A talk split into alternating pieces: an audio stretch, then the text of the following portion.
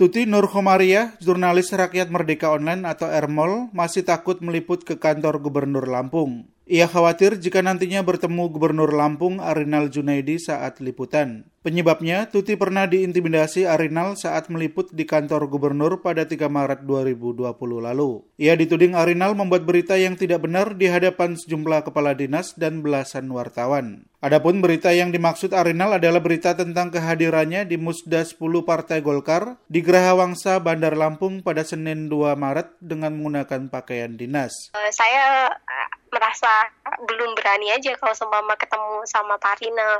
Jadi ketika saya liputan di Pemprov, saya harus tanya-tanya dulu sama wartawan lain. Nanti kira-kira Pak Rina ada nggak? Kalau nggak ada, baru saya datang. Tapi kalau seumpama ada, baru saya nggak usah datang aja. Tuti menuturkan pada mulanya ingin mewawancarai Kepala Dinas Kesehatan Provinsi Lampung pada Selasa 3 Maret pagi soal wabah corona. Namun ia diminta sekretaris kepala dinas kesehatan ke kantor gubernur karena yang bersangkutan sedang ada acara di sana. Tuti lantas ke kantor gubernur dan mengikuti acara sambutan gubernur Arinal. Terus habis itu bapaknya bilang, udahlah kamu beritakan yang baik-baik saja kamu apalagi kamu pakai kerudung seharusnya kamu samina wa nah jangan sampai kamu innalillahi wa rojiun kekerasan juga dialami Francisco Carolio Hutamagani jurnalis foto koran media Indonesia saat meliput kebakaran di gereja kawasan Paramon Serpong, Kecamatan Pagedangan, Kabupaten Tangerang, Senin 27 April 2020.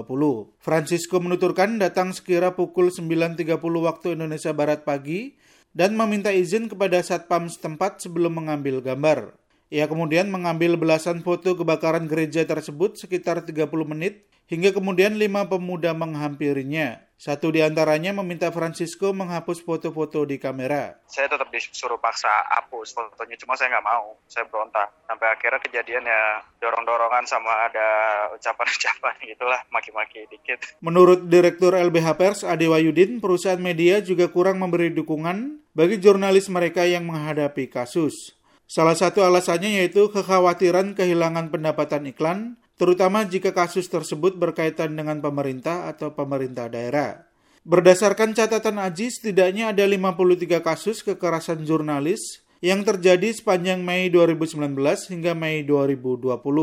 Jumlah ini lebih banyak dibandingkan kasus kekerasan pada periode yang sama tahun lalu sebanyak 42 kasus. Dari Jakarta, Sasmito Madrim melaporkan untuk VOA Washington.